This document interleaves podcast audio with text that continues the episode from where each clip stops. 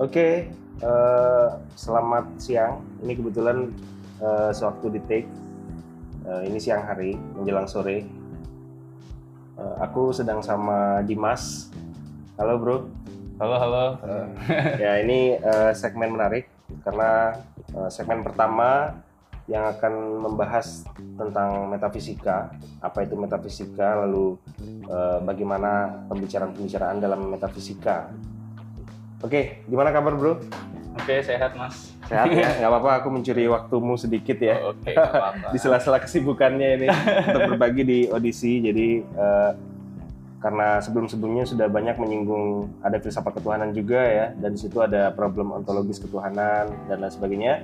Eh, kita perlu eh, gambaran awal tentang bagaimana itu sebetulnya metafisika. Yang pertama, eh, kalau metafisika dan ontologi itu kira-kira bedanya apa, Mas?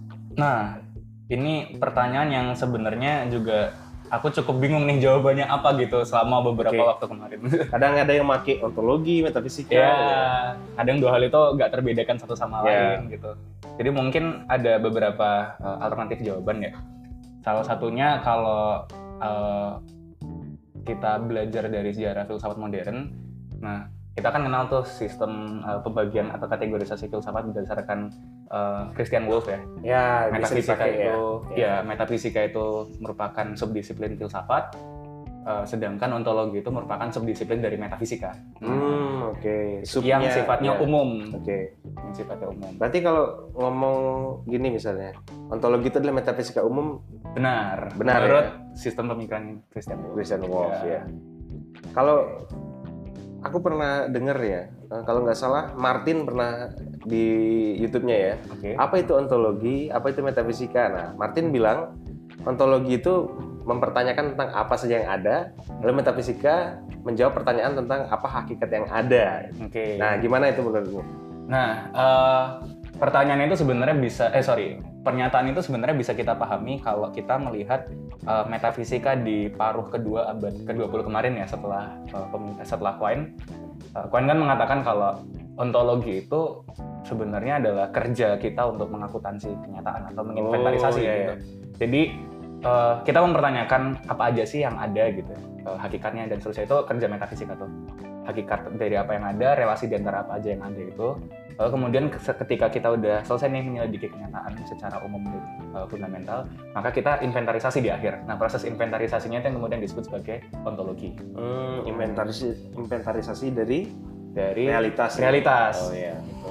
Semisal eh, kasih gambaran tentang inventarisasi ini seperti apa misalnya realitas apakah dikategorisasikan atau misalnya ber- berfilsafat itu kan mungkin kalau kita tadi dalam konteks metafisika mungkin kita ngomongin era-era Sokratik misalnya Oke. Eh, Aristotle misalnya Oke.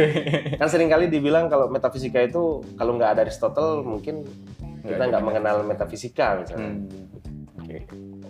Berarti berdasarkan sejarah nih ya? ya di misalnya kalau kita runtut dari eh, Aristotle misalnya Nah, kalau di Aristoteles kan sebenarnya eh, dia sendiri nggak pernah menyatakan bahwa oh kajian semacam ini itu adalah kajian metafisika, tetapi eh, salah seorang muridnya yaitu Andronikos dari Rhodos itu yang kemudian dia melakukan eh, kompilasi atas karya-karyanya Aristoteles dan kemudian eh, di situ dia mengkategorikan satu eh, kajian yang membahas mengenai kenyataan fisis ya, kenyataan yang bisa kita akses secara indrawi seperti tanaman, seperti kursi Eh, kursi seperti kata macam-macam lah. Yang mungkin kalau sekarang masuknya ke disiplin ilmu yang berbeda-beda bisa biologi bisa kimia dan semacamnya. Tapi eh, disiplin yang kemudian ditangkap oleh muridnya Aristoteles ini yang secara umum kemudian dikenal sebagai fisika.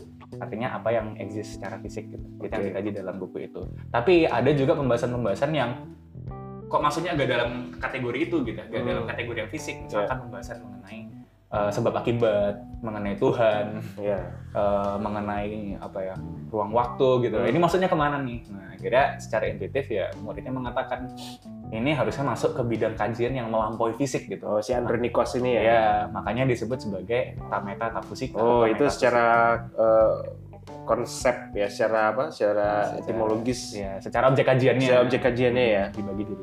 Karena itu merujuk ke Aristotle atau Merujuk ke Aristoteles gitu. ya. Ya. kayak Tentang- jadi si Andronikos ini yang jadi eh, editor naskahnya gitu Oh, Aristoteles kayak setelah- Engels lah. Iya, Ya. kayak Engels kemas. yang merapikan karya-karyanya Hmm. Aristotle, kemudian yang karya-karya yang ngomongin hal di balik yang fisik itu disebut sebagai metafisika. ya. Aristoteles sih nulisnya random aja gitu. Iya, bahas random apa aja ya. gitu. Kompilasinya Ya memang kebiasaan filsuf gitu ya. Jadi muridnya itu yang kadang pusing. pusing dan orang nulis apa? paling berjasa untuk memperkenalkan Iya. gurunya gitu ya. Sistematisasi. Oke, misalnya kayak gini, eh, berarti root dari metafisika sampai sekarang bisa dibilang masih nyambung nggak ke Aristotle?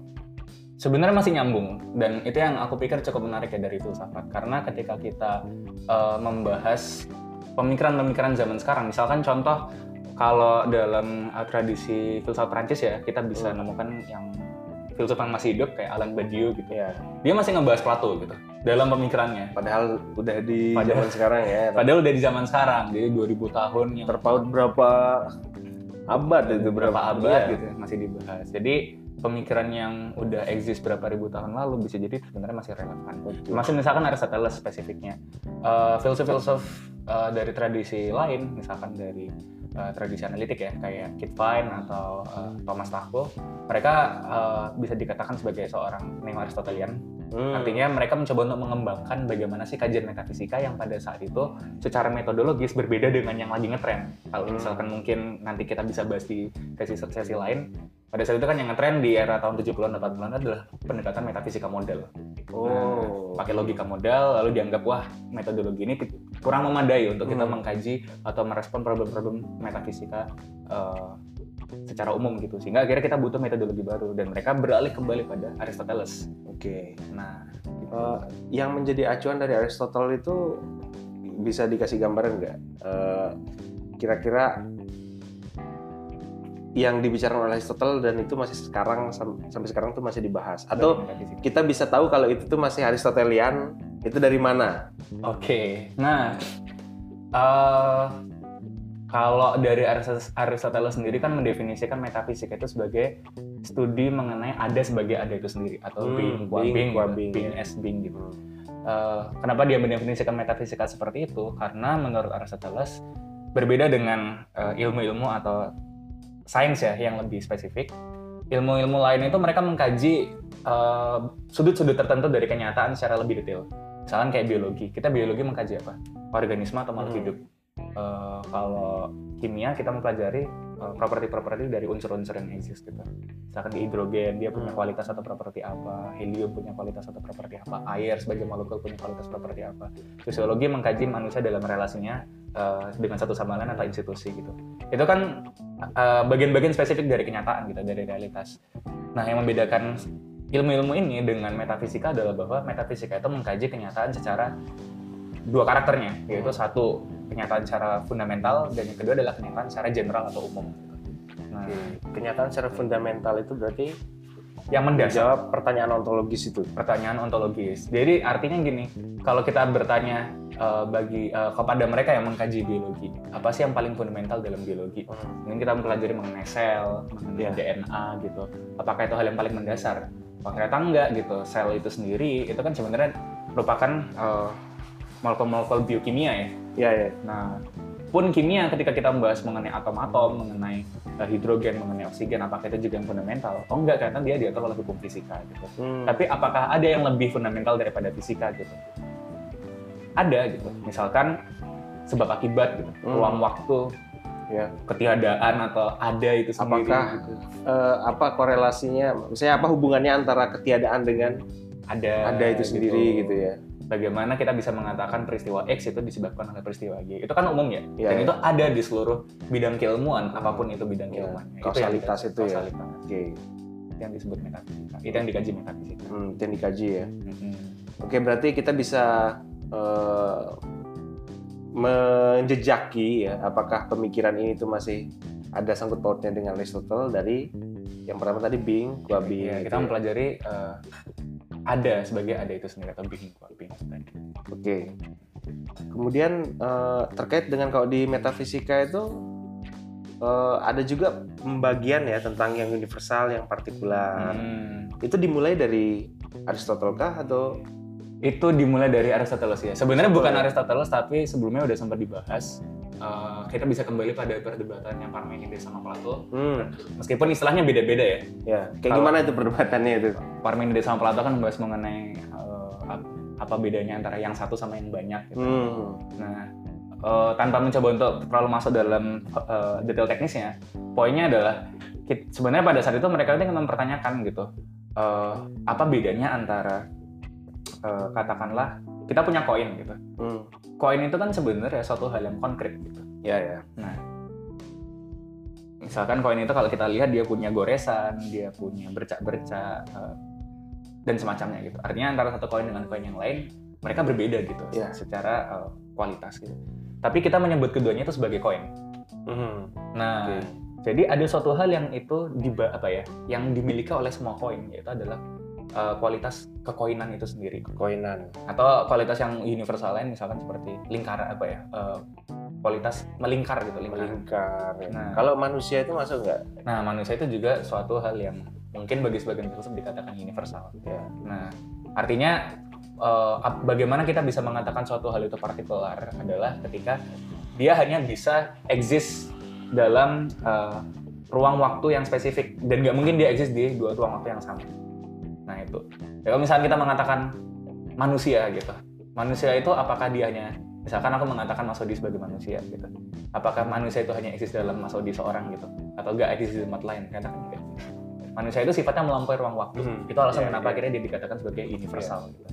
Kan tadi sudah disinggung eh, sama Dimas tentang accounting reality gitu kan. Iya. Eh, apakah itu sama dengan mengkategorisasikan realitas?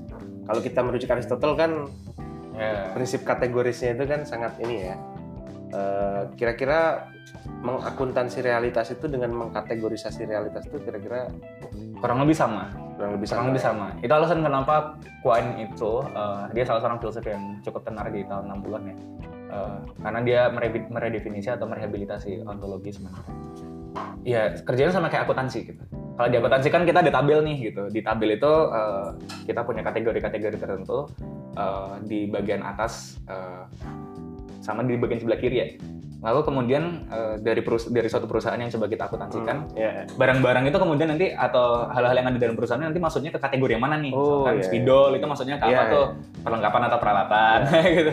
Kayak orang misalnya bilang merah, merah Nah. itu masuk ke mana? Nah, Terus eh, yang dirujuk oleh merah itu apakah sama satu set de- realitas dengan ketika kita mengatakan spidol merah? Benar. Saya gitu ya. dan itu yang sering kita lakukan sehari-hari sebenarnya atau mungkin sering eh, kadang kita lewatkan ketika kita membahas suatu hal. Misalkan contoh kita membahas mengenai aku cinta kamu gitu. Emang Hmm. cinta itu apa gitu. Nah, ya ya. Nah, Oke oke. ketika kita mengatakan oh cinta itu eh, perasaan, oh cinta itu apa ya, suatu hal yang ada dalam pikiran kita gitu. Itu ontologi. Tapi ketika kita bertanya lebih jauh, bagaimana kita bisa pu- sampai pada kesimpulan bahwa cinta itu adalah X? Nah, itu penyelidikan metafisika. Kamar ya. Oke, nanti di eh, episode berikutnya kita bahas tentang problem-problem fundamental dalam metafisika ini eh, di episode pertama ini gambaran umum ya. Artinya karena eh, orang juga kadang serampangan ya. Hmm. Maksudnya eh, man be- man on the street lah, orang-orang awam gitu ya. Iya. Yang metafisika berarti klinik gitu ya. Kayak Space gitu ya.